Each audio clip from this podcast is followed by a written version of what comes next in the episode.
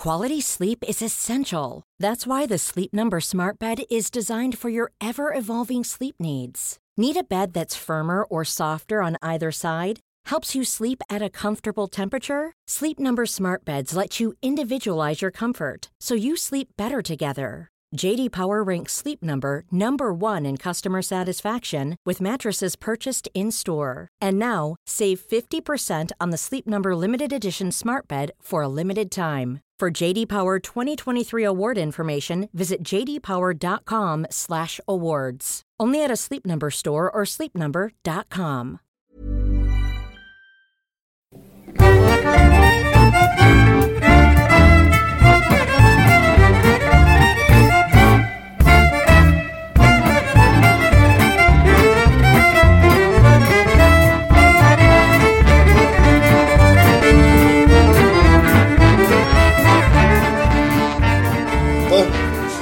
vet inte vad... TT, vad... lite konstig. Så Lite TT. Lite fånigt konstig. Det är ju det är göteborgskt. Det finns ju en man som bor mitt emot oss i lägenhetshusen där på Djurgårdsskolan, han- som vi kallar för TT-mannen. Jag har till och med sång. Och TT-mannen, TT-mannen, TT-mannen, TT-mannen, TT-mannen. Sen finns det en annan vi kallar för rävkärringen för att han satt och pratade om jävla rävkärringar i det här huset. Kommer du ihåg KG då? ju rävkärring. Revkärringen. Kommer du ihåg- Rävkärring. kommer du ihåg Claes Groda då? Får man inte säga. För Jag vet, KG. Eb- Ebba Mattsson, du vet. vem Det var Johanna Mattsson. Ingen aning. Jag bodde granne med Claes uh, Groda. Ja, Nisse blir vansinnig, hans, hennes pappa, om man säger Claes Groda. alltså. Claes på torpet. Ja, okej. Claes Det på har torp. jag aldrig hört. Hej och välkomna ska ni vara till Diagnostikerna. Eh, Jag heter Andreas Barås och bredvid mig sitter Fredrik Ulter Axén. Välkommen! Tack så jättemycket. Och återigen välkommen till dig, Erik Öbo. Eller Öbo, kanske Öbo. säga. Öbo. Hade, jag, hade jag sagt det som... eh, Nu ansträngde jag mig väldigt mycket för att inte prata Hälsingemål. Ja. För vi säger ju oftast Mål. Henrik Nordberg, Ja, eh, er, er, er, Erik Ljungberg och så vidare. Vi säger ju inte Ljungberg, utan vi Nej. säger Ljungberg. Öbo, men ska det vara Öbo? Eller? Ja, Öbo. Men jag säger inte Kerstin, jag säger Kerstin. Ja. Är det taget namn, Öbo? Ja, på 20-talet. Ja. Okej. Han Eh, Andersson. För att din släkt är från öarna, eller? Nej, de är från Fiskebäckskil. Eh, Skaftö? Så. Eh, Nej, Fiskebäckskil. Men det ligger väl på Skaftö? Ja, det ligger väl på, på, på, på Bokenäset, va? Detta är alltså västkustgeografi. Mitt för- emot Lysekil. Ja, ja. Han heter Skaftstranden, Fiskebäckskil och Grundsund. Mm. Det ligger på Skaftö. Jaha. Ja. Eh, vi, våran, jag, våran, jag bara säga, våran lyssnarbas är eh, till 50% absolut i Göteborg, men vi har från hela Sverige. Vi har i stockholmare, gotlänningar. Okej. Vi har eh, till och med, jag kollade igenom vad vi har våra lyssnare. Vi har några fasta lyssnare i Norge också faktiskt. Och eh, en och annan i USA och någon i typ Australien. Så att... eh, Så Hej till dig Australien. Jag tycker det är jättefräckt med Australien. så jag, Har du när du shrimpande baby? Ja, precis. Jag tänkte säga då att vi, när vi börjar prata västkust, väldigt så här... Eh, Initierat. västkust Geografiskt. geografiskt här. Dessutom vad snackar vi inom en väldigt, väldigt liten klick dessutom här. Nej men så här är det. Min, min, eh, den, min, min pappas släkt är eh, ifrån Kungsbacka, från Hanhals tror jag från början. Säger ni hanhals? Säger ni inte handhals? Nej, du är galen. Jaha, då har jag sagt fel. Det heter Ja, det heter Hanhals. Va? Hanhals ja. Handhals? Hanhals. Hanhals. Handhals. Nej, han är från Hanhals. eh, Hanhalses. Och drev... eh, Han var chefredaktör för tidningen Nordhalland länge i Mm. eh, Kungsbacka. Och sen så... är Kan Min du till den farfar uppvuxen i Kungsbacka och eh, jobbade också på den tidningen. Nordhalland, det är det som är norra Halland nu? Ja, Okej. Norra Halland köpte Nordhalland på Okej. början av 60-talet. Ehm, och sen så var min pappa journalist där och så har jag också varit journalist där en gång i tiden. och sådär. Så att den sidan av släkten är liksom Kungsbacka släkt. Andra sidan av släkten är från Bohuslän eh, och har varit sådana sjöfarare liksom, kan man säga. Ja, just det. Har du gjort något bra gräv för norra Halland? Nej, jag har aldrig gjort det. Jag skrev biorecensioner för Norra Halland bland annat. Mycket annat. Roligt. Ja, hur fan, det är sånt jag vill göra. Ja, det... jag med. Ja, alltså, om det är någonting, någon, så är det ju mina... Jag, jag håller ju på liksom eh, fortfarande...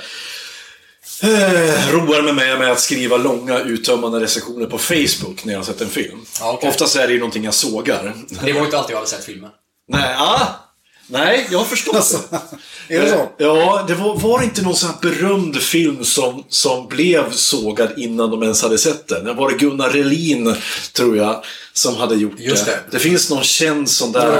Han hade skrivit den innan han hade sett filmen. Han trodde att han visste precis hur den skulle Ja. bli. Liksom.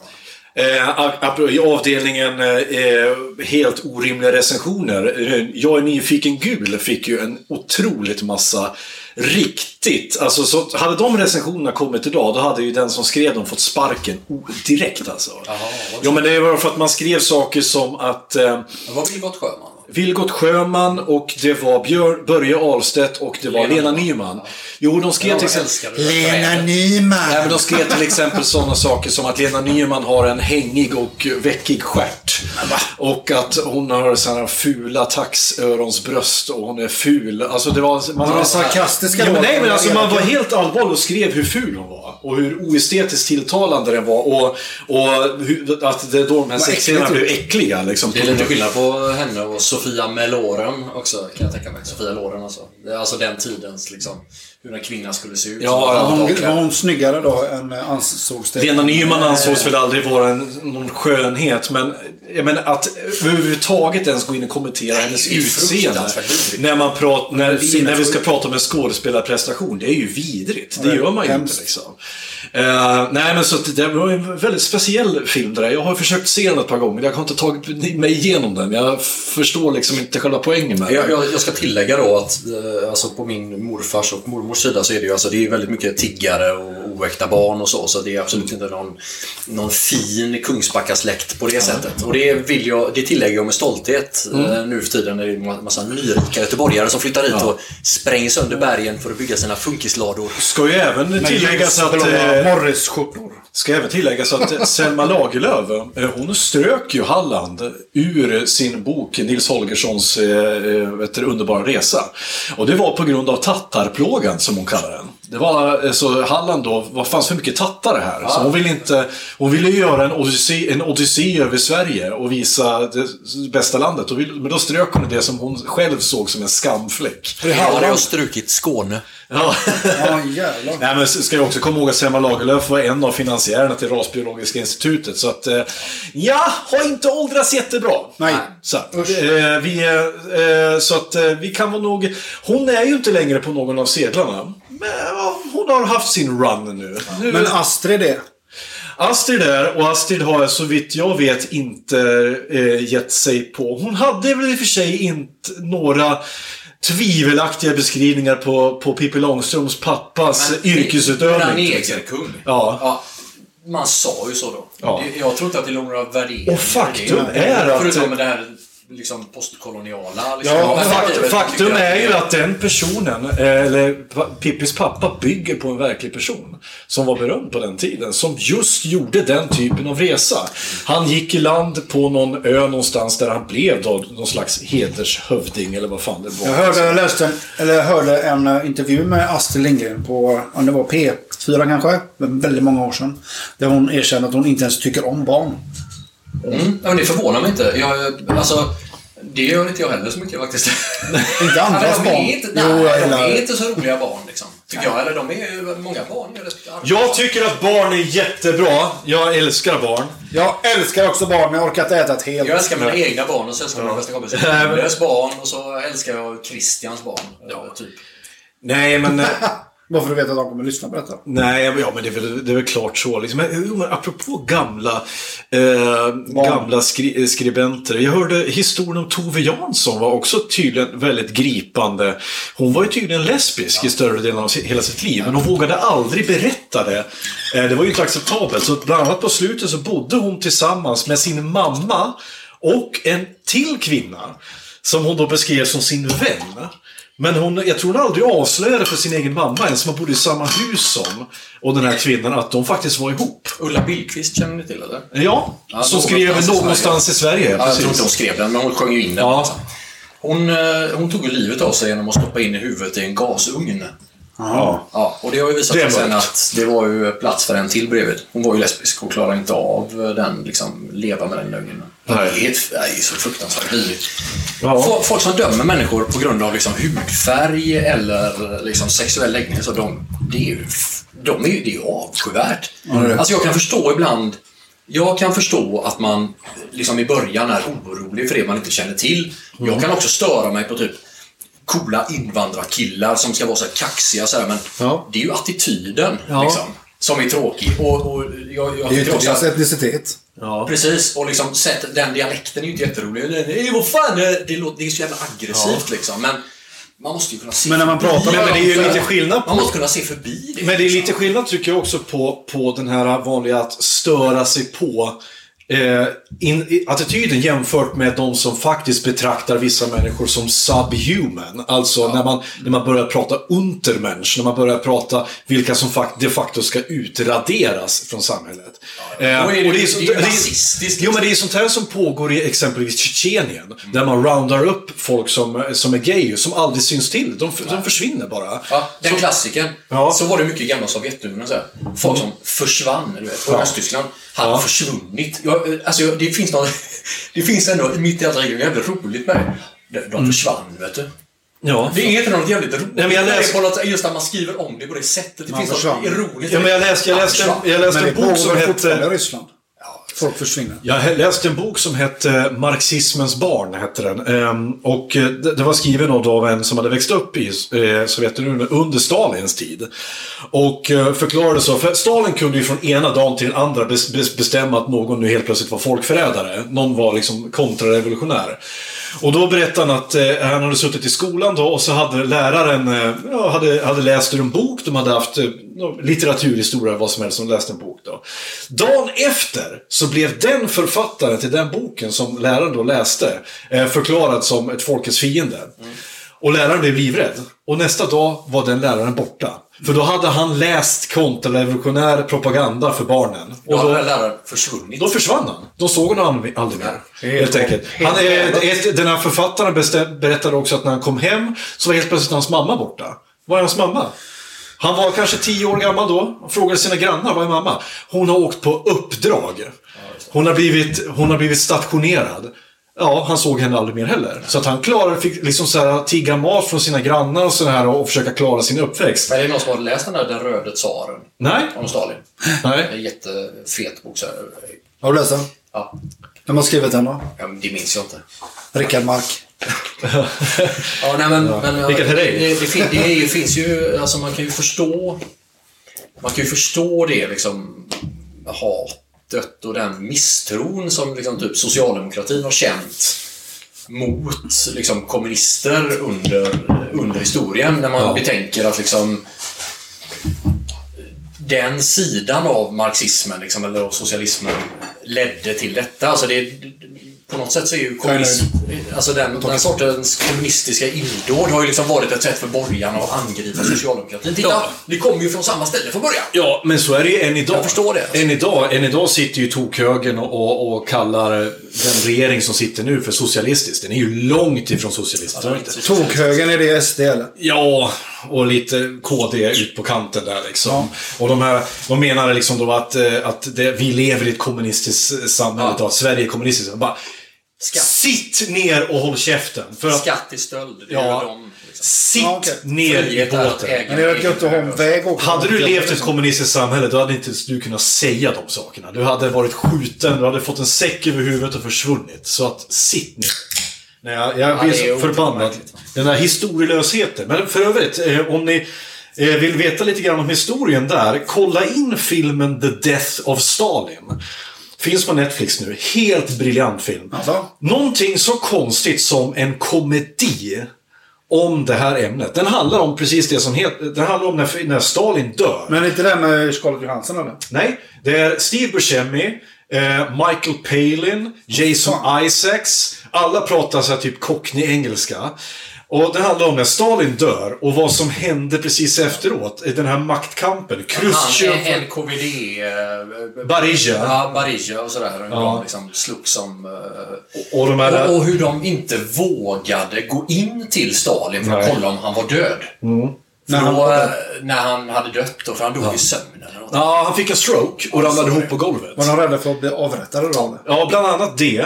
Och en ann sak också. De, vill ju, de vågar ju inte hämta en läkare heller. Därför att eh, tidigare så hade ju... Du ska ju också komma ihåg att Stalin hatar ju judar lika mycket som Hitler. Det ska man komma ihåg också. Det gjorde i princip halva Europa. Som, som Lenin sa, den lille Georgien. Ja. Om Honom ska Hitler... man passa sig för. Ja. Nej, och Stalin. Ja, eh, Lenin var mycket outspoken om att Stalin får absolut inte få makten efter att jag dör. Men det lyckas ju Stalin outmanövrera ganska ordentligt och satte väl en ishacka i nacken på Trotskij till slut. Men? Trotskij var ju också en mördare. Ja, det var Men i alla fall. Eh, eh, Stalin hade, eh, några månader innan vet du, han fick den här stroken, eh, beordrat the Great Purge. Det vill säga att alla judiska ämbetsmän skulle eh, samlas ihop, avrättas eller, och eller skickas till, till arbetsläger. Till. De skulle bara ut, de skulle bort bara. Eh, och de bästa läkarna var ju judar. Så då var ju, då var ju ehm, eh, de här, eh, trots, eller förstår, Khrushchev och de andra liksom var ju livrädda för att om vi nu hittar en judisk läkare som räddar livet på oss så kan ju vi bli anklagade för high treason, för högförräderi, om de lyckas rädda livet på honom. Men eh, så att han, de, eh, han dog ju där till slut och så i början så står de ju och så bara Åh! Åh! Åh! Hur ska vi klara oss? Och sen bara Okej, han är död Så. och, och, och sen en vecka senare så beordrar han liksom den här... eh, Liksom ut... Khrushchev, han, han var ju också... Hade ju ingen skön farbror. Liksom. Men det var ju han som satte igång det här liksom, projektet att liksom, avstalinisera Sovjetunionen. Så. Ja, det var det ju. Det togs ju bort Var det någon, statyer eh, och- var det någon riktig sån brutal version av eh, kommunism han höll på med då? Stalin? Ja. Oh ja. Det Det, var Var han fascist? nej, Sta- det var grejen att det hade ingenting med egentligen det att göra. Det, hade någon ideologi egentligen så. Han använde det som ett redskap bara. Han var, en, Ja. han var världshistoriens värsta diktator, som jag nästan Ja. kan säga. Så. men bara sådana saker som att han... Han, han, han, han Hitler? Ja, Alltså, alltså jag skulle nog säga det. Han tog ju liv. Man brukar väl räkna med 20 miljoner Ja. människor, Det sin- ju sitt- 20 sitt det dog eget 20 folk. 20 miljoner eh, ryssar i andra världskriget och lika många tog Stalin död på. ja. Varför fick Hitler så mycket uppmärksamhet då? Bättre, dels för att, de- dels för att eh, Hitler... Vi säger så här, det finns en klassisk eh, så här, frågeställning. Om du kunde resa tillbaka i tiden eh, eh, och skjuta Hitler, hade du gjort det då? Ja, om man hade gjort det, då hade Stalin blivit eh, nästa kille som hade förmodligen gått in i Europa och försökt eh, expandera. Eh, nu råkar det vara Hitler som blev omvärldens fiende nummer ett. Och Stalin hjälpte till att stoppa Hitler. Hade inte Stalin gjort det, då hade det förmodligen gått helt annorlunda i andra världskriget. Så därför har väl inte Stalin fått den rättmätiga uppmärksamhet. Han börjar ju få det nu, för nu börjar man faktiskt nysta upp hur, hur det där jävla väldet såg ut. Det är liksom bara en sån sak som att Stalin och hans då närmaste NKVD-chefen, och Barija, varje kväll så, så delar de ut listor. Så på vilka som skulle avrättas eller skickas till Gulag. Och de, hade- de hade alltså kvoter med människor som skulle avrättas. Fan, och uppfyllde de inte kvoterna, då bara, det ska vara 30 namn på den här listan. Ja, men jag har bara fått ihop 25. Det ska vara 30 namn på listan, förstår vad jag säger? Ja, lägg till några. Lägg till några, annars hamnar du själv där. Och Lite det- spill får man räkna med. Liksom. och då var det en scen till exempel i filmen här då som är att eh, här är kvällens lista, eh, eh, liksom kamrat. Ja, men den här killen då, han har väl inte gjort någonting? Ja, nej fan det var misstag. Fast nu har de redan gått ut listorna. Ja, ja, ja, han har säkert gjort någonting. och, så här, och det var ju sådär, det var, Fan, slaktar ju folk till höger och. Ja, men det är det. Jag tror också att man får nog se, jag, jag tror det finns en annan liksom, eh, jag tror det finns en annan bakgrund också. Det är att eh, det som vi kallar för liksom, nazism eller nationalsocialism är ju, det är ju en ideologi, den är ju väldigt tydligt eh, som, eh, det är säkert många som inte håller med mig och man är offer för omständigheter så, men jag tycker att det är en ond ideologi. Ja. Kommunismen är ju inte en ond ideologi. Men den har missbrukats i onda syften. Där jag kan tycka att jag är ju inte kommunist. Jag skulle inte vilja leva i ett kommunistiskt samhälle som fungerade heller. Nej. Där liksom allting ska delas exakt Du vet den här liksom millimeterrättvisan. och, precis. För det leder nog till diktatur. Men det är lite skillnad på liksom en ond ideologi och en ideologi som missbrukas. Liksom, Ja. skulle jag säga. Det, det, Ja, men det, det var det man brukar, det var det jag fick lära mig i skolan också, att det fanns kommunismen, god tanke. Eller socialismen, god tanke fungerar inte i praktiken. Det är, det är väl ungefär så man kan säga det. Och nazismen, nationalsocialismen, där var det ju uträknat så här, vilka människor som är värda att leva och vilka som inte är det. Det är, det är ju det som är den stora skillnaden. Kommunismen, eller socialismen, går egentligen ut på att alla är lika mycket värda. Det, det finns inga klasser, finns inte, ska inte finnas någonting. Men Ändå har precis varenda experiment av socialism lett till just klasser.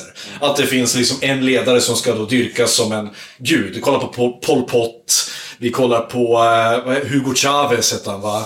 Eh, eller eh, Nordkorea framförallt. Och det är väl det enda levande exempel vi har idag. Det är han också, Enver Hoxha där i Ja. eh, Albanien och sådär. Ja, precis. Han som lyckades göra sig ovän med både Sovjet och Kina. Ja. Så han blev helt isolerad trots att han också var kommunist. Ja. Han på Kuba då?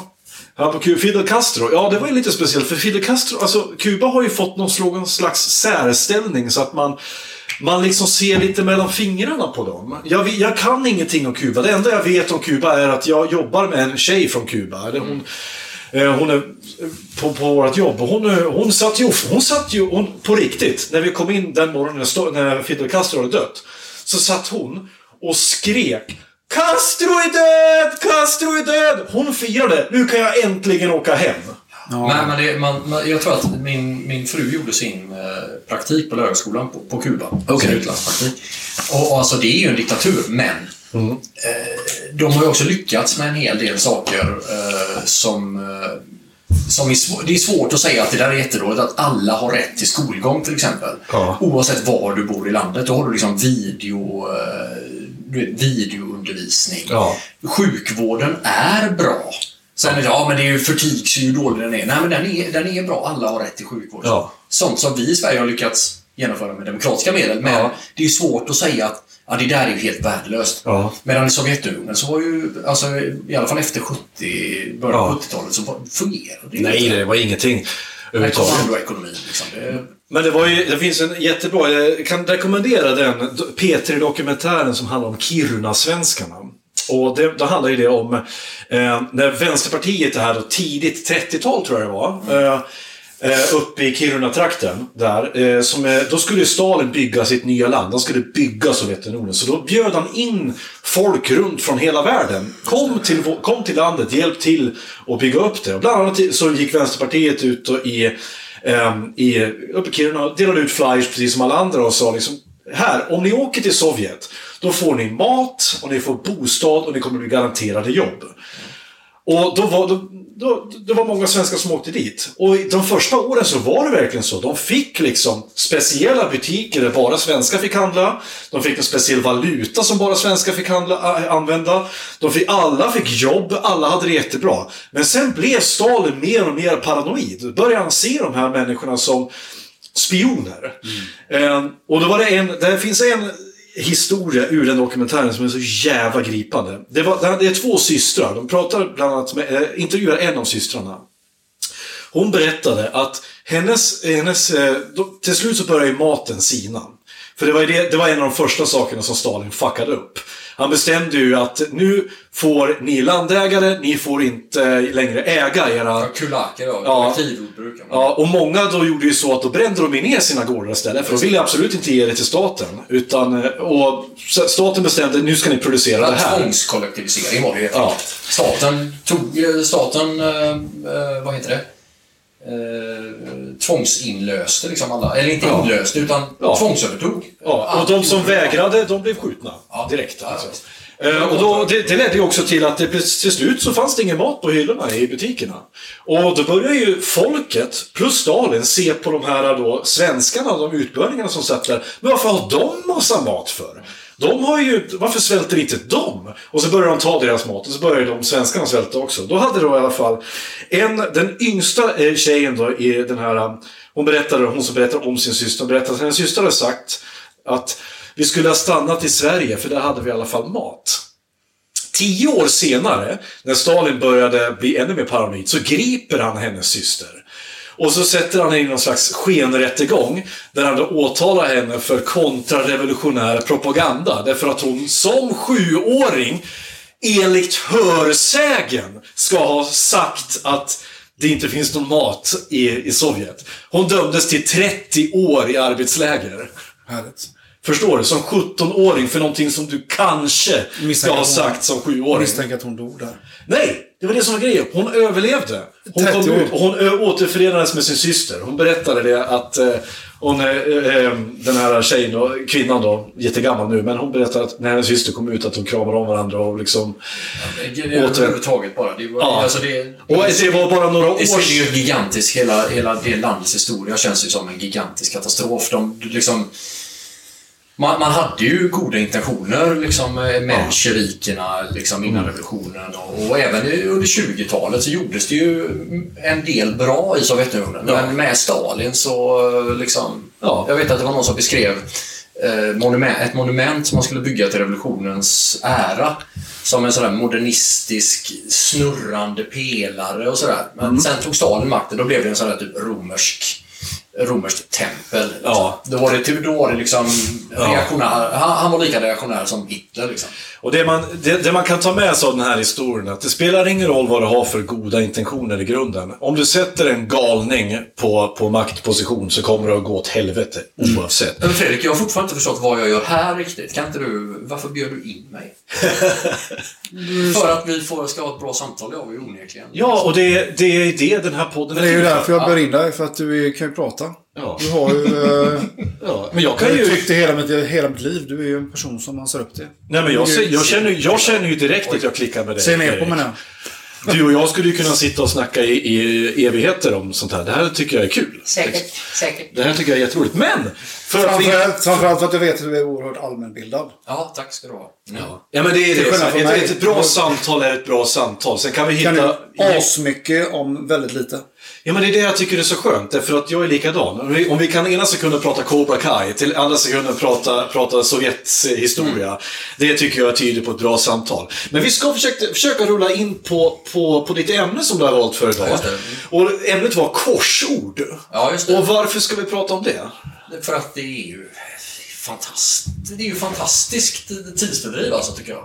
Ja, jag tänkte så här, jag vill ju gärna Alltså- veta vilken infallsvinkel du hade på det här. Eller Ska vi prata korsord i, i allmänhet? Eller? För jag, är, jag, är som, jag älskar korsord jag också. Jag har aldrig förstått mig på sudoku. Jag förstår inte varför Nej, inte jag heller. håller på Nej, med det. Men det är, jag har inget logiskt tänkande nästan. Det är vilket märkligt man jobbar med snickerier och sådär. Men, eh, men jag har svårt att vända på saker i huvudet liksom. Och så. Men, men däremot så korsord det är ju bra. Ja. Det är ju det, det är lärorikt. Du menar, är- du, du menar att du typ sätter taklistor eller att du Ja, tänker så. spegelvänt? Ja, och att man liksom... Kan du inte det? Nej, jag har svårt för jag måste lägga det i lådan liksom och kapa och så. Men du, jag är exakt likadan. Jag, jag är jätteduktig på att följa, följa en instruktionsbok och följa instruktioner och ritningar. Men jag kan inte tänka själv. Jag, jag har Det inte, kan jag, men jag har inte den fel. Men jag är självlärd också har gått med min svärfar och så. Det är ju liksom en annan sak. Jag har inte satt liksom Jag är ju 100 000 tvångslärd. tacklister. Ja. Jag, lärde mig, jag började tycka det var roligt med snickeri när jag hade jobbat med det i typ 10 år. Ja, när, jag, när jag kunde det. Ja. När jag blev självgående började jag tycka det var kul. Jag, jag fick ju den här är förklaringen. Jo, absolut. Det är svinball. Jag fick den här förklaringen. Där. Jag, har ju, jag har ju det som man förut kallade för Aspergers syndrom. Eh, idag kallar man det för eh, autismspektrumstörning, som jag tycker är ett jättefult ord faktiskt. Eh, men då fick jag det förklarat för mig att en vanlig sak är att eh, eh, jag har eh, låg intelligens, men jag har högt intellekt. Eh, eh, och det var någon som för, förklarade det i och med att eh, intelligens, det man, det är kan man säga som en processor. Det gör att du... Processor? Du tänker, processor i en dator. Det vill säga att din, din intuition. En människa med hög intelligent, intelligens kan... Jag skulle säga att snickare har hög intelligens. Därför att du kan lägga, jag kan lägga ett gäng brädor i en hög och så kan du göra någonting av det. Det kan inte jag. Men jag har högt intellekt, det vill säga som en, hö, en stor hårddisk. Det vill säga, jag kan tillgodogöra mig mycket information. Jag kan, jag kan, och så kan jag plocka fram det. Eh, en bra, en bra, en bra, en bra vet du, eh, parallell till det är Sherlock Holmes. Sherlock Holmes är extremt lågintelligent.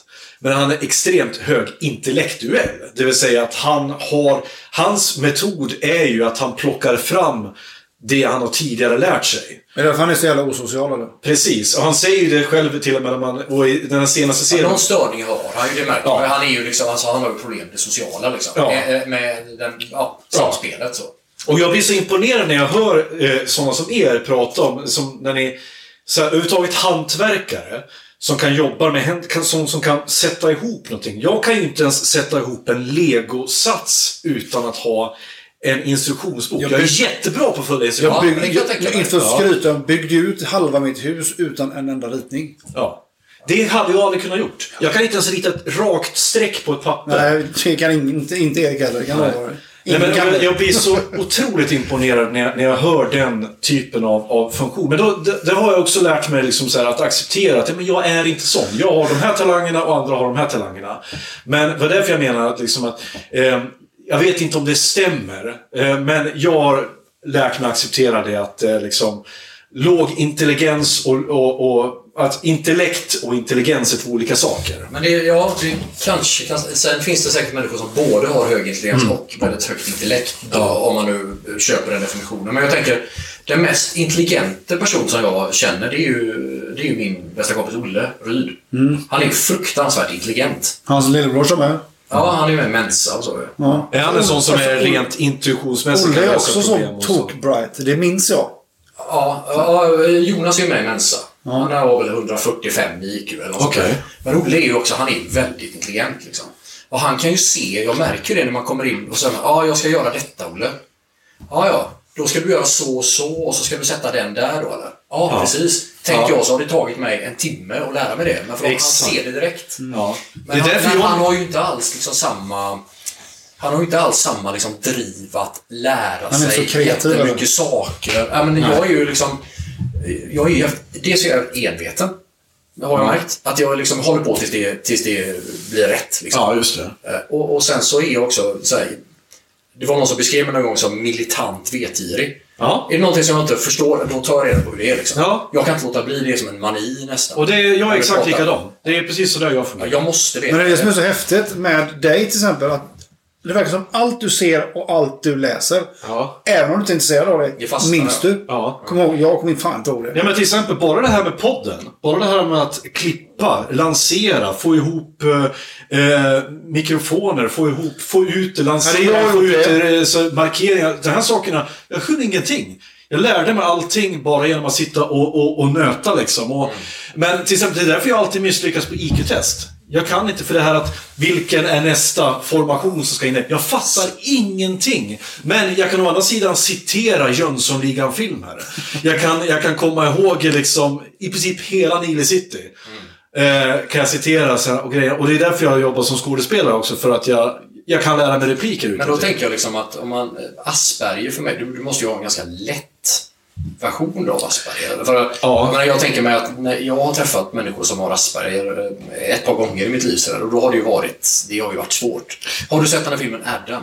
Ja, nej. Nej. Jag har däremot sett uh, Rain Man. Ja, ja, men liksom, då, Ja. det tänker man ju är. Ja. Och, men det är ju, då är man ju inte så högfungerande heller då kanske. Det är det man kallar det för, det som jag det för HFA. Kallar man det, High Functioning Autism. Ja, okej. Eh, Och grejen är att det är därför, tror jag, som eh, jag blir lite sur för att de tog bort Asperger. För Asperger, då visste folk vad man menar. Asperger, okej. Är- Asperger liksom. Då är, då är man högfungerande. Mitt problem är i det sociala. Det är oftast att jag när vi sitter så här eh, så, så går det åt väldigt mycket energi för mig. Eh, och sen så puff, blir jag trött. Därför att jag, jag tar in alla intryck som finns, jag processar allting, jag håller oftast flera konversationer i huvudet. så. Ja, och att när jag pratar med en människa så jag blir jag väldigt frustrerad om folk pratar för långsamt. För jag har redan hunnit processa det de har sagt. Ja, du pratar väldigt fort, det tänker jag på. Ja, Alltså. ja jo precis. Och jag, jag har problem när folk pratar för långsamt. Därför att, kom igen, kom igen, kom, kom igen nu. Jag har tänkt nu 15 steg framför dig. Du Så är måste komma det igen. att vara manisk. Ja. Och det var det jag tänkte. Jag tänka mig. Så Ja. är det. Men det är väl därför ni heter diagnostikerna? Exakt. Men, men... Vi tänkte ja, heta nazisterna först. Så kom det bara, fan jag vet inte riktigt. Så här, det är något pikant. Ja. Något i... Eh, men till exempel, eh, de här tavlorna som hänger på min vägg här nu. Eh, jag fick ju ett maniskt rus när jag, bör- när jag målade fyra tavlor på samma kväll. Okej. Och det var bara för att jag, så här, jag, jag, jag hade gett mig fan, precis som du säger, jag har gett mig fan på att jag ska lära mig hur man gör det här nu. Så då började jag bara hålla på. Jag har ingen aning hur man gör rent intuitionsmässigt, jag bara lär mig. De som, många människor med Asperger har ju mycket problem med ångest och depressioner och. Ja. Det, har du? Absolut, Ja. jag går ju fortfarande på Sertralin liksom. Och, eh, det var väl det som ledde till att jag gjorde Den en... är ju väldigt snäll. Så. Det är väldigt snällt. Mellanvaccin. Ja, men, men eh, Sertralin den gör ju att jag inte når de här dalarna. Ja, okej. Det är ju det som är grejen. För att när jag landar ifrån ett, ett eh, liksom, att jag, Ja. fått, jag får mina hang-ups och sen så får jag för mig att nu ska jag lära mig alla operaarior som finns Ja, i, i den här Ja. veckan. Och sen när jag landar efter det så kan jag oftast bli väldigt tom. Så här. Men, Då kan jag berätta hur det är att vara manisk. ja, Då förstår man alla opera-arior som finns. När man lyssnar på det. Man förstår det. ja, Men sen... Ja, precis. Ja, det Tror man i alla Tror fall. Det är klart man inte gör. ja. Men man bara för att man är inne i det så in i helvete. Alltså man är alltså inne i Jag kan musiken. nästan, eh, jag kan nästan äh, längta efter att få känna bara den. Men det är sjukt häftigt kan jag Är det säga. det man kallar för flow? Som, som Ja, kreativ? fast Ja, det gånger tusen liksom. Gånger tusen, ja. Det är alltså... Jag lyssnar bara på P1 när jag, har, när jag är, när jag är manisk. Och lyssnar på de här, sån här klassisk musik. Jag kan ju ingenting om Det är klassisk. P2 va? Ja, P2. Exakt. P1 lyssnar jag. Jag skulle aldrig klara av att lyssna på när jag är manisk. Men vet du vad? När jag lyssnar på klassisk musik, då känner jag mig alltid som Hannibal Lecter. Alltså, vet, man, man känner, man får, hamna i någon, jag känner Ja, eller mig här- sitta i en regnig bil och lyssna på ja. Goldberg-variationen. Ja. Älskar Eller P2. någon sån där försupen kommissarie, någon tråkig sån deckare. Men det är sånt som Jan Guillou skulle skriva. Det är bara han som skriver. Hör- Hörde ni hans sommarprat, Jan Guillou förresten? Som i hel, hela sommarpratet gick ut på att han beskriver vad olika deckarhuvudpersoner lyssnar på. Vilken. Alltså, är man, har man, är man Leif GW Persson, då skriver man sådana som gillar Wagner. Ja, och är man, eh, och, men eh, han som Carl gillar- Hamilton, han gillar bara Chopin. Wagner var alltså den här Valkyrie-låten. Ja, som är... som Hitler gillade. Ja, det var, var, Wagner var ju Hitlers favoritkompositör. Så. Det är ju väldigt storslaget germanskt. Så. Nibelungens ring är ju den Ja. trilogin. Och, Men är det inte det som är Apocalypse Now? Det är väl... eh, Flight Ja. Det är den, det är Valkyrians ritt heter den. Ja, just det. Och den är även en del i renguldet. Om jag ja, inte... det är, så- ja, det är, vad är det? Sigfrid, och så är det Renguldet och så är det någon till. Och så Ja. är det ju Nibelungens ring. Ja. Som Tolkien var väldigt inspirerad av förut. Ja. Han skrev Sagan om ringen. Så. Ja, förlåt. Eh, Men, ha, men vad intressant att du säger, har du själv någon, någon diagnos eller liknande? Inte vad jag vet. Inte vad du vet? Nej, jag har faktiskt testats för de flesta diagnoser. Jag hade en väldigt djup depression för eh, sju, åtta år sedan. Jag var Ja. jätte, jättedålig. Så då gjorde, då gjorde de en massa tester så. Ja. Där jag inte hade något annat än egentlig depression. Nej. Så. Och jag tror inte att jag har någon diagnos, men alla har ju liksom drag av någonting såklart. Och jag har ju det här, både det här maniska och det här liksom eh, att jag blir extremt insnöad och så. Ja. Och då är det plötsligt, nu är jag ju till exempel super, super inne på båtmotorer. Okej. Nu har jag renoverat en båtmotor hemma. Nu ska jag hämta en Inga 65 Jonsson, eller? Nej, Mercury. Ja, gud. 72. Häftigt. Eh, och nu ska jag Är det den med silverkoppa eller? Nej, den är svart. Ja. Den är svart. De blev svarta 63. Varför vet jag det? Liksom? Det För att du är också nörd. Ja. Ja. Eh, så, så att jag, har ju, så- jag får ju såna Ja. skov liksom. Där Ja. Och sen så känns det alltid lite tomt efteråt. Ja.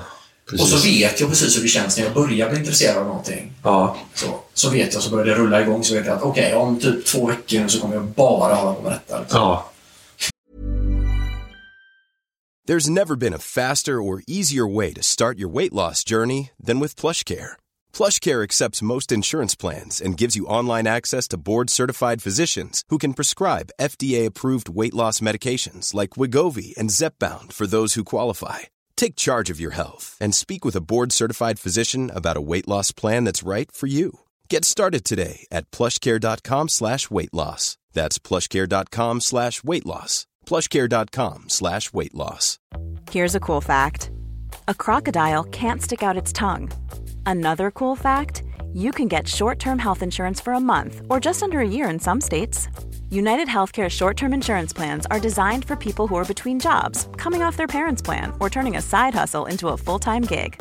Underwritten by Golden Rule Insurance Company, they offer flexible, budget friendly coverage with access to a nationwide network of doctors and hospitals. Get more cool facts about United Healthcare short term plans at uh1.com. Men är inte det lite skönt? Jag Men kan man tycka... lär sig mycket, man blir lite av en renässansman. Eh, Om, man nu ska Exakt. vara lite, om man nu ska vara lite så här, jag menar inte att vara självgod på något sätt, Nej. men alltså jag, man kan liksom, det blir så att till slut så kan man mycket om mycket. Liksom. Men det är det jag menar, alltså att de här skoven kan ju faktiskt leda till någonting. Ja, jag menar, jag ju börjar ju måla bra. tavlor och jag har ju sålt två tavlor till och med. Ja, det är fantastiskt. Men så kan man jämföra med när du började måla tavlor. Ja. Och nu när du har slutat måla tavlor. Och det är, Jag har inte det slutat måla tavlor. Nej, men det är liksom, det är bara några månader emellan. Det utvecklas något så in i helvete. Ja, eh, och Men jag den ser ut som den onda jävla grejen i antingen ett Meshuggah-fodral eller den i Event Horizon. Ja, Den där... Vi ska lägga ut eh, bilderna. Jag kan tipsa lyssnarna om Art by Baras. Eh, Jag, jag gjorde mitt... eh, Bara en sån sak. Jag fick för mig, fick ett skov och så gjorde jag en, en sida. Och sen har jag som sagt eh, fått igång en verksamhet på, på att göra tavlor liksom. Det trodde inte jag det, skulle men det är lite lustigt för jag har ju eh, för första gången i mitt liv nu så har jag, arbetar jag med någonting som jag faktiskt är jäkligt intresserad av. Alltså jag, jag förstår inte varför jag jobbade som journalist i så pass. Jag var journalist i tio år liksom. Jag har Okej. aldrig varit intresserad av nyheter. Liksom. tycker det är svintråkigt. Jag har ingen tidning nu. Jag tittar aldrig på TV. Eh, Det gjorde väl jag kunde. aldrig på radionyheter. Inget, jag tar inte del av några nyheter överhuvudtaget. Jag tycker det är helt ointressant. Och det, jag har aldrig tyckt det varit roligt. Jag förstår inte vad jag gjorde. Varför jobbar jag med det? Men gillar du modern historia? Du har ändå suttit här och pratat eh, Sovjetunionen med Ja, det gör jag. Ja. Absolut. Men jag har ju börjat, jag ska ju sadla om igen nu. Jag har börjat läsa till historielärare nu. Bra! Så ja! Det gillar jag. Det är mest för kroppen, eh, känner jag. Det, och det måste du väl också känna. För Oh ja. Här, Kroppen tar ju stryk av det här stickrandet. Men jag ska ju fortfarande bli death metal-sångare. Det är det jag... Du har ju jävla bra growl. men det har det, får, det får jag ge dig. Får du lite growl då? Nej, jag kan inte. dig liksom. Ja. Men eh, för att återknyta till korsorden då. Eh, korsorden måste ju vara som handen i handsken för dig då, som, som en vetgirig människa. För du måste ju ha så otroligt mycket. För att det som jag tycker är bra med korsord, det är just det här att det är inte samma svårighet som, att lä- som ett IQ-test, att lä- hitta liksom så här, eh, mönster. Nej. Utan det, det är snarare klurigheten att ha ett ordförråd. Ja. Och så att du måste ha, oftast tror jag måste man ha kunskap om ganska mycket olika saker. Så är det. Det passar mig jättebra. Liksom. Ja. Och, och det finns ju, jag, jag är ju som gammal farbror, jag köper ju Allers. Ja. För, och det, det är ju så roligt, man lägger fram den på... Alltså, ibland har jag fått så här... Typ att det, det är inte vanligt att en 39-åring köper Allers liksom. Men de har ju Sveriges bästa korsord tycker jag. ja. Och det finns ju ett som Är det inte, brukar man inte säga att DNs fredagskorsord är det svåraste? Ja, är det S? Är det svenska? Ja, det- Söndags? Eller DNs Ja. fredags? Det är någonting. Är det svårt? Men den, eh, Anders har ju då nya A-korsordet som heter de. Ja. Som alltid är i mitten av tidningen. Man kan slå upp det direkt. Man vet där häftena är, där är nya För. A-barn. Precis. Mm. Ja. Eller alkoholister. Ja. Eh, nya alkoholistkrysset så. Är det någon... Men, och det är ju jävligt svårt. Jag har faktiskt aldrig klarat det utan hjälp. liksom. Nej, okej. Nej, och det, det är ju så. Men kör du med korsordslexikon? Eller är det fusk? Får man ha det? Eh, alltså när det är för svårt så googlar jag liksom. Okej. När det är för svårt, för jag, det måste gå ut. Med, Ja. Och det handlar också om att man vill lära sig kanske. Men så här, typiska ord som alltid dyker upp i korsord, det är ju sån här... Man känner så här, man, man börjar känna igen, man har gjort många korsord, så ja. börjar man känna igen korsordsmakaren, vad de har för stil. Till exempel ord som alltid så dyker upp är ju så här, gamla ord för papegoja, ara och sådana saker som alltid Ara är dyker ju, upp. det kallas ju till och med för korsordsgoja kan det stå ibland. Ja. Så är det ara liksom. Ja. Det finns ju en massa sånt. Ja. Ros på tre bokstäver. Kan du den? Va? Ros på tre bokstäver. Ros? Ja. Ros? Nej, eka. Va? Eka. Jaha. Ros på tre bokstäver. Ja, men det där, jag, jag tänker så Det här. är. Det är superklassik. nu kommer jag komma med en väldigt hot take här. En- Jag tror att göteborgare har lättare för korsord. Ja, det kan jag tänka mig. Och det är för att ni har ett... Er Göteborgshumor är så här, den är så ordbaserad. Ja, Just den här, den här Absolut. att leka med ord Ja, det är väldigt, väldigt brittiskt. Ja. Eh, Storbritannien, det är, alltså det är ju, jag känner mig jättehemma.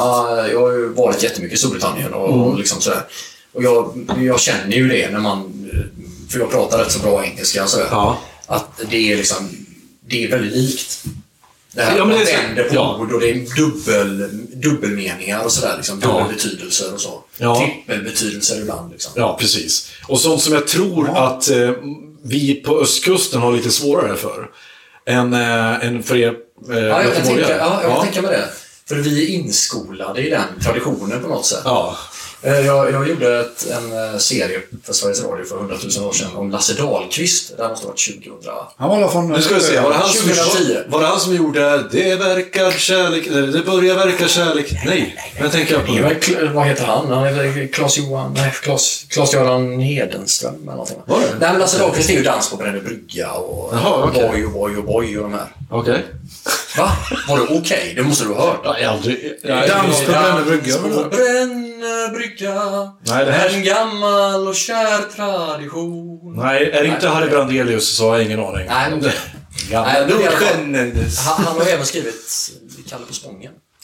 Det är, Men alltså, det- den har jag Det är. Edvard Persson som har spelat in den, men det är han som har skrivit den. Jag tänkte säga Evert, Taube, men okej. där finns en eh, snygg eh, sån här trestegsrim som, som två av jag intervjuade om sa, sa att eh, hamnen är tom som en krog efter sista gästen. Det liknar förresten mest en marinkyrkogård. Det känns Det är ett bra rim. göteborgskt liksom. Inte lika bra som Onkel Konkels rim eh, Vi är pedofilna, pedofilna vi spelar eh, volleyboll. Vi möter homofilna, leder med stjärt noll. Det är ett bra rim. Könsrock. Ja. Det är ju typ ett... Varför är det så många som gillar könsrock? Liksom lite ironiskt. Varför är det så få som gillar Jag könsrock, jag det är jättemånga som gillar könsrock. Onkel Konkel har ju all, nästan all, alla 80-talare gillar ju Onkel Konkel. Men inte alla kanske. Du gillar könsrock? Nej, alltså det kan väl vara roligt liksom. CP-åker och sådär. Ja, men jag tror att, jag Men- tror, men, men- grejen är att jag tror att, jag, så här, det, nu, det, här, det här är en högst kvalificerad gissning.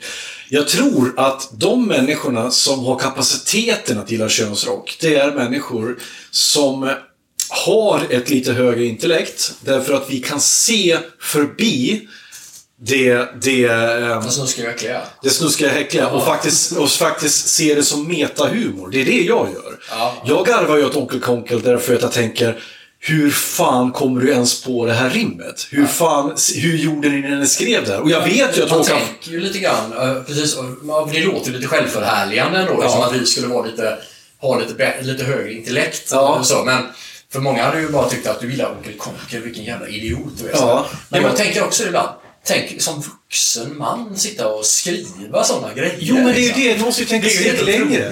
Ta ett Det steg... måste ju varit jävligt roligt. Ja, men ta ett steg tillbaka. Det Medusa? Ja, men, det, men kolla på, men Håkan Floro var ju, han, det, det, det har ju kommit fram nu på sistone, Håkan Floro som var Onkel Konkel, Ja. han var ju jätteinspirerad av, av um, vad heter han? Ernst Rolf, uh, Ja.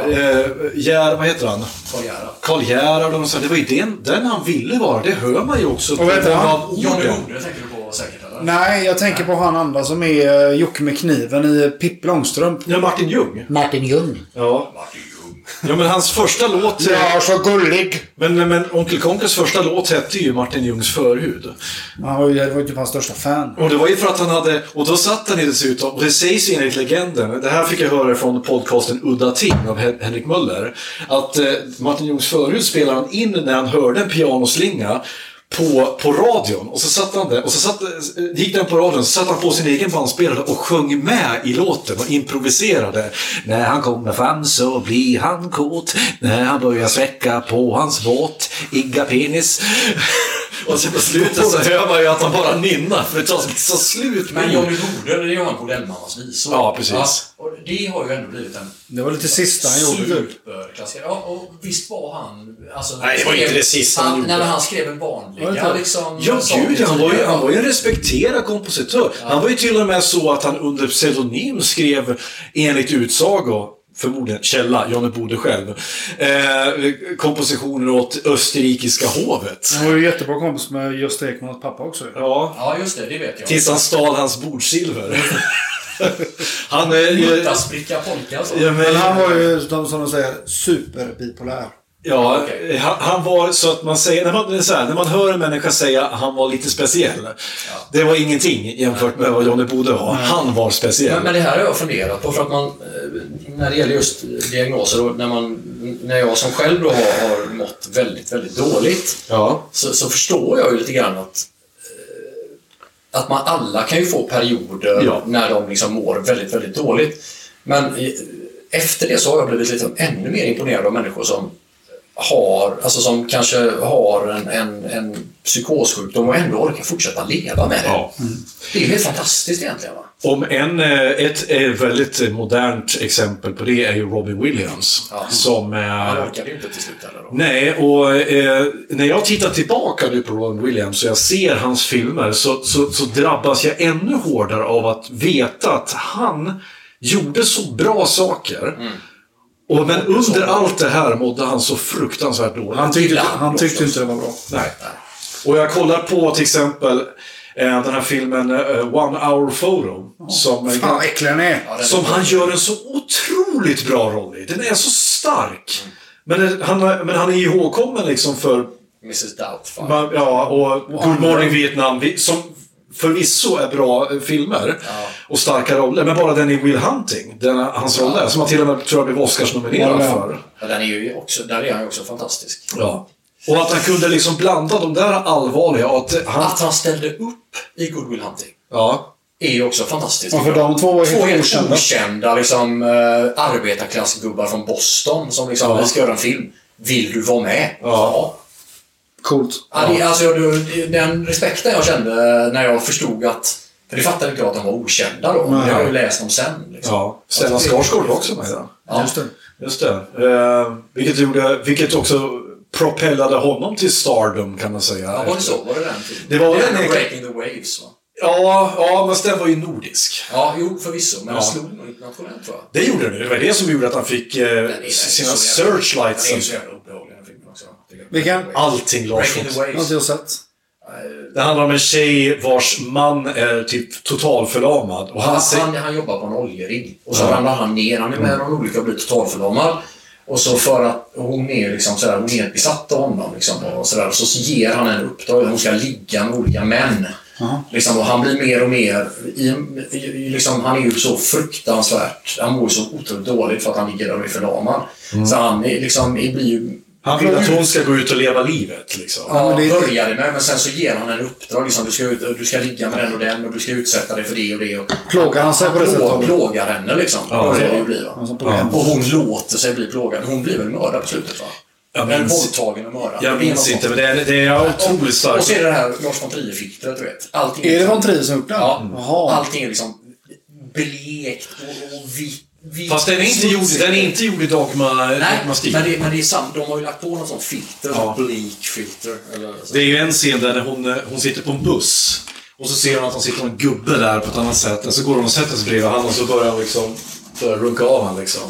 För länge sedan. Och det är bara så här, och han bara, han låter henne göra det. Bara en sån grej. Ja, det är så en jävla äcklig gubbe liksom. Nej, fy fan.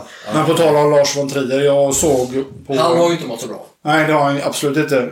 På tal om det som kommer till. Han eh, såg ju den Antichrist på bio. Har ni sett den? Nej. Ja, Den, tyvärr. den skrev han. Och där med Den skrev han han, han, han hade sin värsta depression. Alltså jag, jag har aldrig mått så dåligt efter en film. Jag är duktigt härdad kan jag säga. Men jag har aldrig mått så dåligt efter en film som jag såg efter.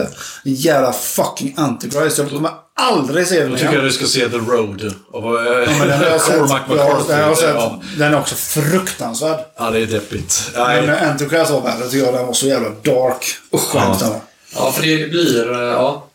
Sen är det ju, kan ju fungera som KBT också, att man utsätter sig eh, liksom, eh, på något sätt. Ja, för sin ångest och så. Eh, Sen kan det vara att jag kanske inte mådde så bra i mitt liv heller när jag såg den här. Nej. Det, det, så För mig är kan... det ofta platser. Att jag, de platser jag har mått väldigt dåligt på då när jag var så, som sjukast. Så att säga så var det ju, jag låg ju inne liksom i flera dagar. Och, Oj. och. Ja, jag var jätte, jättedålig. Jag tvingade mig. Jag var ju för frisk. Så att de ville ju inte. Nej. Nej, du, har, du har inget där att göra. Men jag tvingade mig in för jag förstod att Men du var så pass stark att du kunde ja, tvinga Ja, till ja, hjälp? ja, ja. ja. eh, men jag hade så mycket ångest så jag kunde inte sitta ner. Skakade bara. Så. Okej. Eh, Och så bytte de medicin. Och, eh, dum jävla överläkare som bara bytte medicin från en dag till en annan. Trappade inte ut den gamla och satte in den nya. Och rena katastrofen. Liksom. Ja. Men, men då vet jag att de platserna jag var på då, de, hade jag, de fick jag liksom eh, sen i KBT liksom, lära mig att besöka igen och sitta där och bara känna ångest. Där, runt omkring i östra Göteborg där vi bodde då. Liksom, för det var så förknippat med det. Fan vad starkt alltså. Ja, det var tufft. Ja, men det kanske är Men det så. går ju. Man kan, alltså, man, man, alltså, man kan ju verkligen... Alltså ångest, man kan ju verkligen lära sig att inte vara rädd för sin ångest längre. Jo, men visst, jag, jag, tror att, jag tror ju 100% på det här att du ska face your fears. Ja, men det, det fungerar ju. Ja. Nej, men det är som, eh, jag hade Det är evidens. Det finns evidens som visar att det, det, det fungerar. Ja, men jag hade ju till exempel den här, jag hade ju en, en, en, en otroligt stark spindelfobi. Det var ju så här att såg jag en, en spindel så skenade mitt hjärta iväg och jag höll på liksom att svimma. Jävlar. Sen flyttade jag till- hem då? Sen flyttade jag till eh, mitt eh, förra hus, eh, där, där ute i Forsbäck. Just det. Och då hade jag min tvättstuga nere nere i en fuktig jävla källare. Ungefär som den här filmen Arachnophobia med Jeff Daniels. Satt John Goodman där med flamethrower och Ja, han gick omkring på... på så var det alltid, när, alltid när han gick så var, hörde man alltid till Elephant Walk i bakgrunden. och så gick han och sprutade med sin flamethrower där. Nej. Och så där satt det ju alltså, Ja, hu- husspindlar som är väldigt stora jävla källarspindlar som bara satt där. Och så Ja. Källarspindlar och husspindlar är inte samma sak. Nej. Jag säger så. Källarspindlar har inget hår. De är... Och jag var ju tvungen att, jag var ju tvungen att se de här varje dag och huka mig, fasta med ansiktet i, i spindelnätet och gå igenom. Till slut var jag till där med att acceptera att okej, du sitter där, jag är här, okej, jag ser Han kommer ge dem namn också. Är ju ganska... Ja. Utanför min dotters fönster här eh, så, så är det en korsspindel. Som kommer ner, hon har sitt... Så heter Lars-Åke. Nej, Lotta! Vi har döpt eh, är- till Lotta. det är jättebra att döpa alltså, saker Ja. som för. För det man förmänskligar det och gör det lite löjligare. Precis. Hallå Lotta, liksom. Ja, precis. Och Lotta har byggt ett jättestort nät som vi har gett fan i. Eh, och var, hon är, eftersom spindlar är ju nattdjur, så att på dagarna så sitter de gärna i skuggan och... och. Men en vacker dag kommer ut så sitter Åke i nätet så. Ja, nej men sen och på kvällarna så, katt. så, kommer, så kommer Lotta ner och sätter sitt, sitt nät precis. Och så säger vi alltid när Lotta ska gå och lägga sig, så säger ja, godnatt Lotta, nu sitter vi där. Så att jag har ju lärt mig att uppskatta, och det här är en stor korsspindel alltså. En stor, så man, jätte, jag börjar liksom säga, okej, om jag inte ska vara rädd för den, då ska jag kanske börja uppskatta dem istället. Jag börjar kolla, och de bygger ju faktiskt coola nät. Och de har ju faktiskt coola mönster. Och det här är ju liksom så här, och framförallt, jag är mycket större än Lotta. Varför ska jag vara rädd för eh, Lotta? faktiskt bara en uh, giftig spindel i Sverige. Finns det Är det en... svarta änkan? Nej, Eller? men alla är ju, alla är den är ju giftiga. från Sydamerika. Men Ja, eh, okej. det finns en som heter, eh, som är giftig för människor, som är som ett getingstick. Som heter, kärrspindel. Ja, så kanske det var. Okej. Mm. Kom in. Den är också ganska rejäl. Men den lever som sagt i kärr. Ja. Svarta änkan säger jag. Kan ju, du hör ju. Det är, inte, det, det är inget av mina specialområden. Nej, den är du- Men, eh, men det, är så här, det hjälpte mig också väldigt mycket att gå in på Anticimex hemsida och läsa på allt om spindlar. Jag lärde mig om spindlar. Jag lärde mig att spindlar till exempel är döva. Jag lärde mig att spindlar ser väldigt dåligt. De, men de har jättebra känsel. Eh, De har ju det här spider sense, precis som Ja, det. Spiderman. Jag lärde mig att de är nattdjur. Jag lärde mig att de är kannibaler. Det vill säga att spindlar gärna äter upp andra spindlar om de kommer för nära. Så därför har du en spindel i Efter parning äter honan alltid upp hanen. Va? Efter parning äter honan Det är alltid upp bara hanen. vissa spindelarter tror jag bara. Va? Ja, det är nog jag. Ja, Svarta änkan gör ju inte det. Den ju bara upp människor. Eh, eh, Är det kallat för sol och vårare? Men, eh, nej, men KBT visar ju bäst resultat på fobier just. ja. Det är väldigt lätt att bota. Det kan räcka med två, tre gånger, sen är du botad. Liksom. Eh, Kognitiv beteendeterapi. Vad innebär det? Det innebär att man ska lära sig tänka rätt. Ja, Typ. och, och utsätta sig för det man tycker är farligt. Det låter väldigt enkelt, men det är inte så enkelt. Det är ju rätt hårt jobb alltså. Eh, och, och framförallt, är man i en depression Ja. så är för, så som jag har fått det förklarat för mig. Jag, jag fick ju hjälp av eh, en kvinna som heter Sigrid Köger som var typ Västsveriges bästa psykiater. Liksom. Hon är tyvärr död nu. Vad synd. Eh, Ja, fruktansvärt sorgligt. Men hon var ganska gammal. Hon var ju pensionär då, men jag, jag hade lärt känna henne liksom på omvägar och sådär. Så hon, jag tog kontakt med henne och sa jag mår så jävla dåligt. Ehm, och då hjälpte hon mig att komma till rätt läkare och sådär. Okej. Hon var ett jättestöd. Jag kunde ringa henne liksom. Ja, ja. Men du gick alltså inte in i, i liksom vanliga sjukvården utan du gick Jo, det gjorde jag också. Ja. Men eh, sen eh, när jag, när jag liksom skrev ut mig själv eh, liksom från, från, från PS, liksom, Ja. psyk, så, då fattade jag att jag, jag kommer inte bli frisk utan jag måste ju ha, jag måste ha någon annan hjälp. Så då kontaktade jag henne. Mm. Eh, och i alla fall så sa hon att en depression är ju så att ångest har alla. Ja. Det är inte så att man får mer ångest vid en depression eh, vanligtvis utan man tappar kontrollen över ångesten. ja, Att depressionen gör att du inte har någon motståndskraft mot din ångest längre. precis. Det är därför antidepressiva hjälper mot ångest. Det var liksom hennes eh, teori då att Mm. den bryter eh, depressionen och då kan du ta itu med ångesten. Exakt. Så man kan inte bota någon ångest i KBT när man är deprimerad. Det går liksom Nej. inte, man har inte den kraften. Det, var ju det, det, var ju, det är precis så Ja, jag fan. skulle beskriva min medicinering. Att Ja. det, det den gjorde, gör är ju att jag inte når de här avgrundsdalarna längre. Som Och då har man jag... kraft att ta tag i sina bekymmer. Liksom. Exakt. Så det är lyckopiller, vet. Jag, jag vill ju hänga de som säger så. Alltså. Det är ju inte det. är Normalpiller är det. ja, men det är precis. Det är ju det där. För man måste komma ihåg att depression är, är depression är kemi. amfetamin. Typ. Nej men så här, man måste komma ihåg att depression är kemiskt. det är kemisk obalans i kroppen. Det är, inget, det, det är liksom inget annat egentligen. Sen kan det ha triggats av någonting Ja. som, som är ut... Som, Ja, så är det ju oftast. ja. Eh, Men och när du väl är i den, Det är ju helst... fysisk sjukdom precis som cancer. Ja. Fast den sitter i hjärnan så det är ju väldigt svårt att liksom, Ja. Och man måste behandla på symptom. Ja. Man kan inte konstatera att du lider av en depression genom att ta ett test eller eh, ta en röntgenbild. Liksom. Nej, men precis. Så det är det. Vi hade ett avsnitt, eh, vi pratade om manlig psykisk ohälsa eh, för några avsnitt sedan. Och eh, ehm, det då, då konstaterade vi att vi pratar om det här för lite. Det är alldeles för få människor som faktiskt, och jag blir imponerad när jag hör dig, att du faktiskt tog, du tog dig själv dit. Du tog tag i det och du fick hjälpen. Ja, men ju- Alldeles för många människor går utan att ens tro att det finns hjälp. Ja, jag vet. Men, men då tänker jag så här, hur klarar man det? För jag menar, jag kunde ju inte arbeta ingenting när jag mådde så dåligt. Så jag tänkte, för mig fanns det inget alternativ. Jag kunde ju bara gå i det. Nej. Eh, på något sätt. Men det är ju också... Och min mamma har ju också haft eh, depressioner med väldigt stark ångest. Ja. Och sådär. Och jag bara, ja, tack gud för att det fanns effektsår liksom, när jag blev sjuk. Jag tror du känner hans mamma. Och, Ja. Hon har varit på, alltid tittat på er på Kungsbacka teater till exempel. Jaha. Ser man. Vad heter din mamma nu igen? Kiki. Kikki Öbo. Ja. Nej. Kungsbacka teaterverkstad med. Ja. Jaha, ja, då kanske hon är där då. För att vi, jag spelar ju i Kungsbacka stadsteater. Ja, okej. Ja. Och Kungsbacka stads... Ja, jo, jo, Ja, visst, visst. Ja. Nej, nej, men vi har, jag har säkert stött på henne. Bara. Nej, för att eh, när vi var och tittade på det, bara, och när vi var och tittade på er senast när ni hade den här, eh, den som du hade regisserat. Strykjärnet och döden? Ja, då kom Ja. hon fram till det och var riktigt bra. Ja. Då tänkte jag, du känner du för fan eh, Kikki? Nej, det gör jag inte. Jag känner typ ingen. Alltså, jag, känner, det jag har ju bott här som sagt i över tio år. Jag är en jätteliten bekantskapskrets. Varför hamnar du här? Eh, kärleken. Ja. Och fick eh, barn. Eh, resultatet sitter där inne. Ja, ja, Lirar. Hon börjar bli mer och mer lik mig nu, min dotter faktiskt. Hon är ju gay. Sjukt lik utseendemässigt också.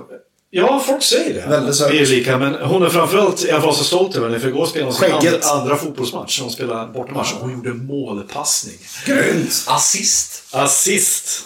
Och så, Nej, och så sitter, hon, sitter, hon här, sitter hon här när vi käkar frukost och jag sa att vi, jag var så stolt över henne. Så sa hon, ja, är det så, är det så, är det så, liksom, är det något speciellt att göra målpassning? Ja, så utan en målpassning blir det ju ingen mål. Nej, Vi var grannar i somras med familjen. Och så var vi nere vid Vättern och så en liten strand där så var det, de sådana jättefina mackstenar där. Okej. Mm. Alltså, alltså hela stranden var fyllda med de perfekta kasta mackstenarna. Ja. Åh, Så var det en liten pojke som stod i strandkanten och kastade macka. Han var ganska röten på det. Men så fick han typ fem. Jag bara Wow! Vad grym du var på det! Han bara "Ja, Jag har varit här rätt mycket ska jag säga.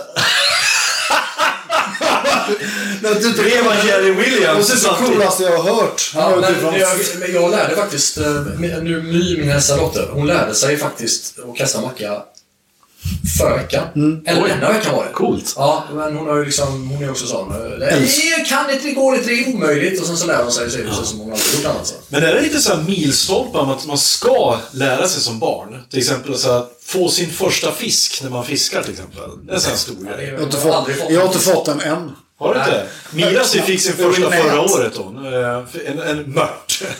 Kom upp. Är ju tråkigt. Men det är, ja, jag tycker om. Jag tycker om att vara ute i skogen att det är tyst och så här. Vet, Den här tystnaden kan jag njuta av. Igår stod jag bara naken. Nej, jag hade kalsonger på mig. Men jag stod och stirrade ut genom fönstret och så bara insåg att fan vad tyst det är. Jag älskar när det är tyst. Du bor ju bra här också. Jag bor väldigt bra här. Eh, Det har ju sina nackdelar naturligtvis när man behöver åka någonstans. bilberoende och så, såklart. Det är man. Och när man ska, men bara 200 meter åt andra hållet här nu så ligger ju havet. Så jag har en liten strand där borta. Hörrni, vi har precis nått en, en timme här och vi har kanske sagt tre meningar om korsord. Känner du att det är någonting du vill, du vill prata Nej, om jag, jag kan bara rekommendera det. Jag tror att när man väl kommer in i det så blir det som en sjuka, men det är en bra sjuka. Ja, jag mycket. älskade korsord när Metro fanns. Det var ett litet, perfekt, Ja. snickarvänligt korsord där som man kunde lösa på liksom klatschrasten. Ja, exakt. Det var skitbra. Eller på pendeln in till jobbet för Och del. märkte jag det att för, när jag, för, det alltså, för mig är ju det... Alltså, när jag löser korsord. Alltså, jag lär mig inte. Men när jag kör det varje, varje dag Ja. så blir jag grym på det. Men när jag är fan i det en vecka, eller i en månad, så är jag plötsligt jättedålig igen. Ja.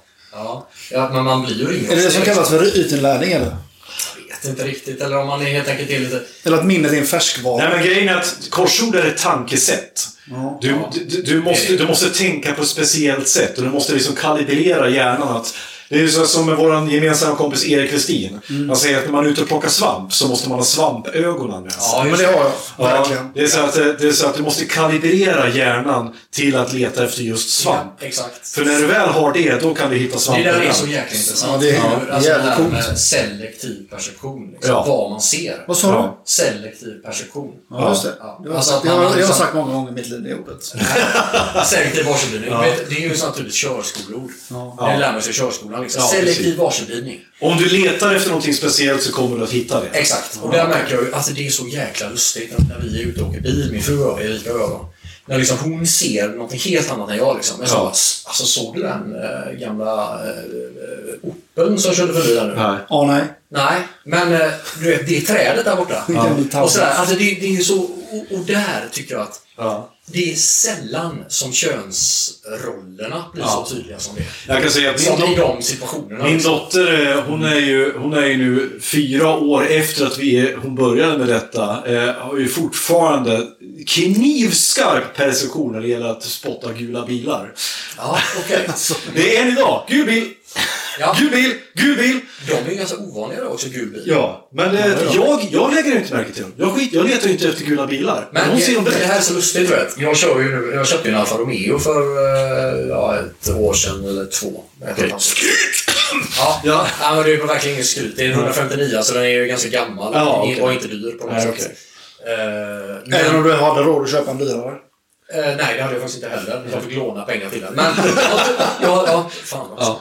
Nej, jag har drömt om en sån bil. Jag tycker det är världens vackraste kombi. Liksom. Ja. Och då är det så att alla som kör Alfa Romeo blinkar på den. För det är en så ovanlig bil. Så, så fort man möter en Alfa så får man alltid ett blink eller ett. Liksom. okej. Är det så? Ja, det är faktiskt så.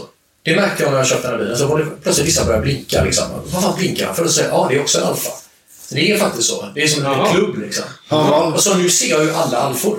Ja. Det är jättetydligt. Medan jag liksom för tio år sedan hade jag aldrig sett dem. Alltså det är så jäkla lustigt. Och så- man är liksom inställd, kalibrerad. Ja, men exakt, och det är det säger. När man då löser ett korsord, då måste man... Det kanske tar två, tre korsord. Om du köper en korsordstidning, alltså jag brukar göra det när jag ska ut och resa. När jag ska sitta på tåg länge, då köper jag en korsordstidning. För då vet jag att nu är jag garanterad att jag har någonting att göra resten av resan. Och då är det så här, då brukar, jag, då brukar jag bläddra fram till ett korsord, så börjar jag göra det. Sen kanske jag kör fast på hälften, då bläddrar jag tillbaka till ett annat. Och så kör jag, kör jag ett lättare korsord. För det tar kanske två timmar för min, för mitt, för min hjärna att kalibrera sig att nu ska Ja. jag lösa Ja, korsord. sant. och då kan jag komma tillbaka. Ja! Där! Och så helt plötsligt så finns svaret framför. En, en annan sak är ju som, det verkligen, som verkligen hjälper när det gäller forskning, Ja. att sova på socken. Ja. Du vet, man bara ligger på kvällen så här. Ja. Ja, det här är helt omöjligt. Liksom. Ja. Och sen så på morgonen efter bara, ja ja. Det sa alltid min morfar, kommer ihåg honom. Han sa det, stod på saken för han var, löste så mycket korsord va. Vi köpte sådana här eh, A2-ark med korsord till honom som, han, som var i rullar. Som han satt med i, i, i flera år. Det funkar. Liksom. Ja, Och på socken. ja. ja. han löste det. Ja, men det, ja, det är imponerande. Och som sagt, det är ju hjärngympa. Det är ju den goda sortens hjärngympa. Som sagt, jag har inte förstått. Och- jag vet än idag inte reglerna i sudoku. Jag vet inte hur, ens hur det fungerar. Jag kan inte. Jättebra också att eh, om man har problem att somna. Ja. korsord. Vi, har ju, eh, vi har ju så eh, eh, skärmförbud typ för våra barn. De har inga mobiltelefoner och de använder inte iPads. Ingenting. Överhuvudtaget? Nej, överhuvudtaget. Ehm, Ja, vi tittar på TV och så liksom. Ja, ja. Men, men och, och där, det märker jag att det är ju flera stycken har ja men du vet hon har börjat få så svårt att sova.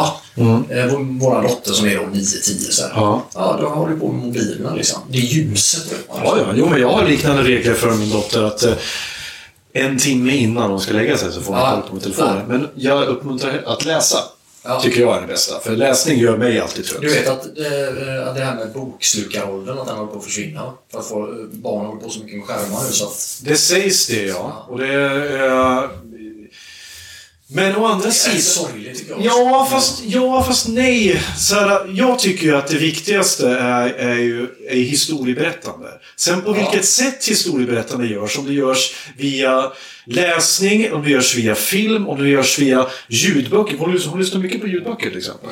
Jag tycker att det viktigaste är eh, historieberättande. Att få en historia och att kunna fantisera, det tycker Ja. jag är det viktigaste. Men det är det som är problemet, att när du matas med det liksom färdigt Mm. så tränar du inte fantasin på samma sätt, tänker jag. Alltså som en film, det går inte att Jo, men ljud, liksom. inte ens ljudböcker. Jo, ljudböcker är en annan sak, men just film. Ja, ja, ja. Där du liksom sitter och blir matad, intrycken är färdiga. Mm, Ja, mm. Det, där jag märker, tycker jag, att mina barn då, och det är ju bara en träningssak, Ja. har mycket bättre fantasi än många av sina kompisar.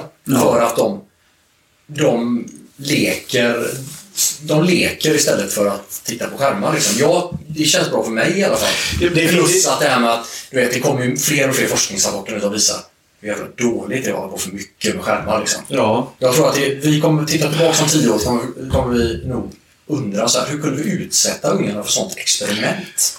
Ja, jag skulle, då, men då vill jag ju komma med, med mothugget där. Skärmarna har ju varit räddningen för mig. Ja, personligen. Och det är ju till exempel för att i mina stunder där jag inte har kunnat vara social till exempel. Så, här, så jag var ju ett sånt barn som satt och spelade väldigt mycket tv-spel och kollade på mycket film som liten. Och det har ju har varit av godo för mig. För det har gjort att jag har fått den typen av fantasi som jag har. Att jag är så pass bra på engelska som jag är, att jag har bra, så pass...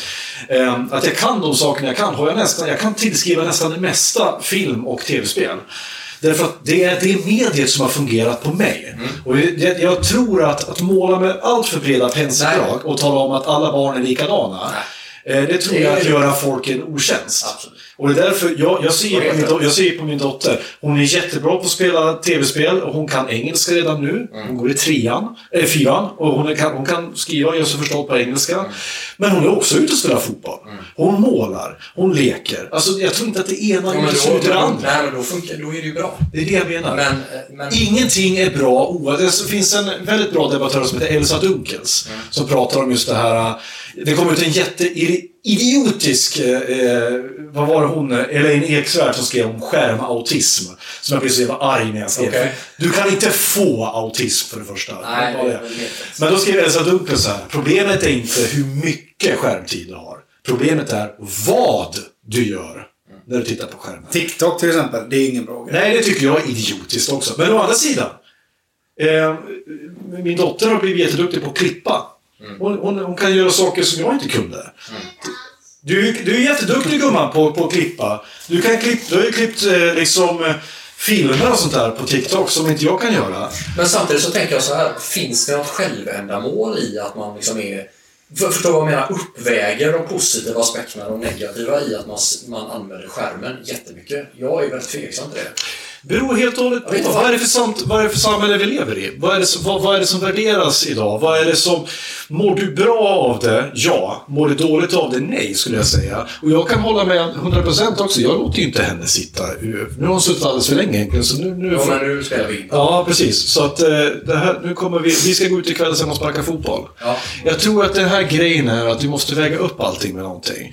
Ja. Jag, jag har ju heller inget, jag har heller ingenting eh, jag håller också med om att som ungdomar som sitter och spelar dataspel åtta timmar om dagen, det är för mycket. Nej, lägg av liksom. Gör andra saker också. Men jag menar inte, jag tycker inte att totalförbud är rätt eh, väg att gå. Nej. Får jag bara komma med en, flik? Ja. Ja. För nu har jag inte sagt mycket på ett tag. Ja. Vi pratade om Alfa Romeo förut. ja. Jag har ingen relation till Alfa Romeo. Nej. Kolla nu. Nu ska, nu ska jag visa vad cookies och skärmar gör. Uppe på Instagram så är det en Alfa Romeo-reklam där. ja. Det är obehagligt. Ja, det där är obehagligt faktiskt. Vadå, kände den vad du... Den, hör vad vi säger. Ja. Och så får, kommer det upp en reklam om Alfa Romeo. Jag har aldrig sett Alfa Romeo-reklam i Instagram innan. Nej. Det är fruktansvärt obehagligt. Ja, det är det. Det är fan obehagligt. Jihad! Krut! Det var som någon sa när de hörde det ta... Konstgödsel! 50 kilo! Så. Det var, det, var som någon, det var som någon sa när han hörde något jävligt bisarrt, en gammal kompis som är Fredrik Landgren. Så, eh, så skrev han så här, nej, eh, det var, det var någon helt bisarrt moderat eh, förslag. Någonting så, nej, nu tar jag värme i IS och åker till Syrien. Västerlandet måste förintas.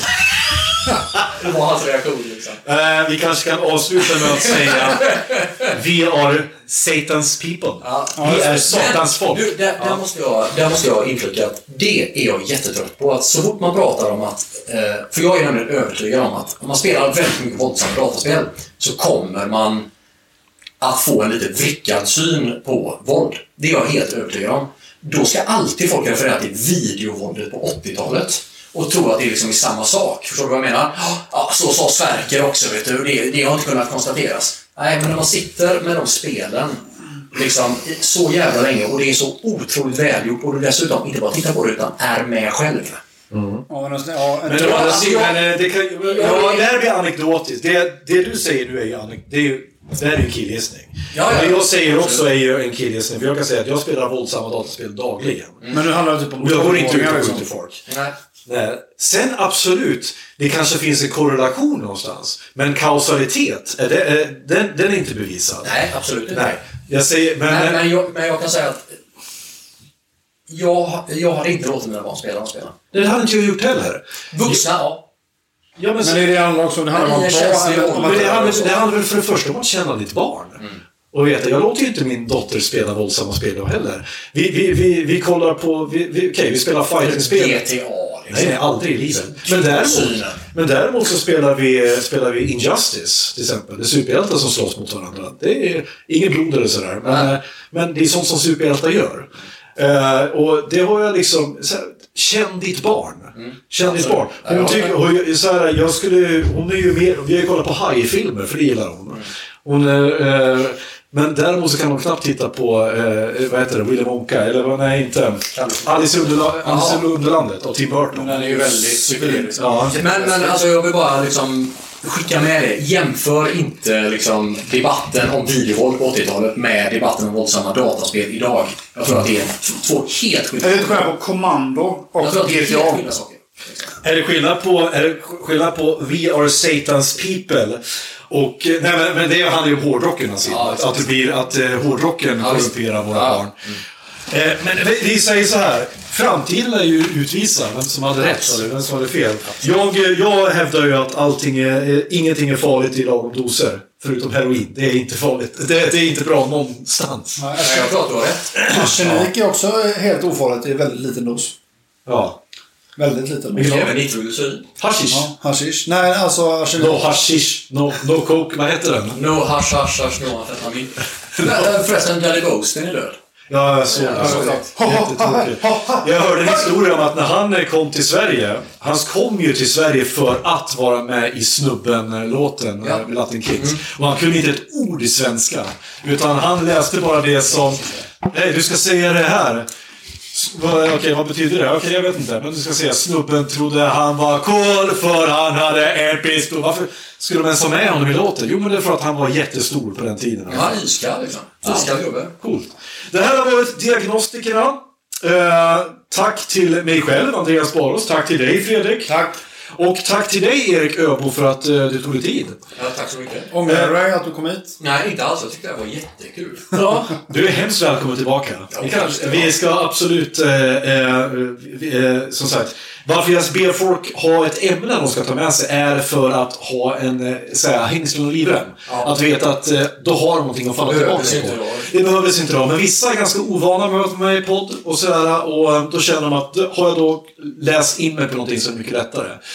Eh, gilla oss på Facebook, gilla oss på Instagram och ge oss alla era pengar på Patreon. Tack så vi kan bjuda på Annars kanellägg. dör Andreas. Ja, ni vill väl inte att jag ska dö, som jag brukar säga i våra...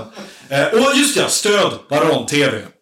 Tack för den här veckan. Vi ses nästa vecka. Hej!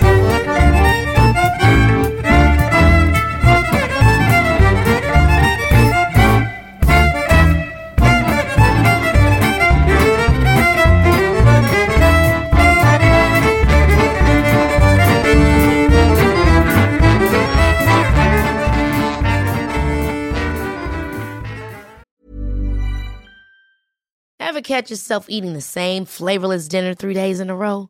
Dreaming of something better? Well, HelloFresh is your guilt-free dream come true, baby. It's me, Kiki Palmer. Let's wake up those taste buds with hot, juicy pecan-crusted chicken or garlic butter shrimp scampi. Mm. Hello Fresh. Stop dreaming of all the delicious possibilities and dig in at HelloFresh.com. Let's get this dinner party started.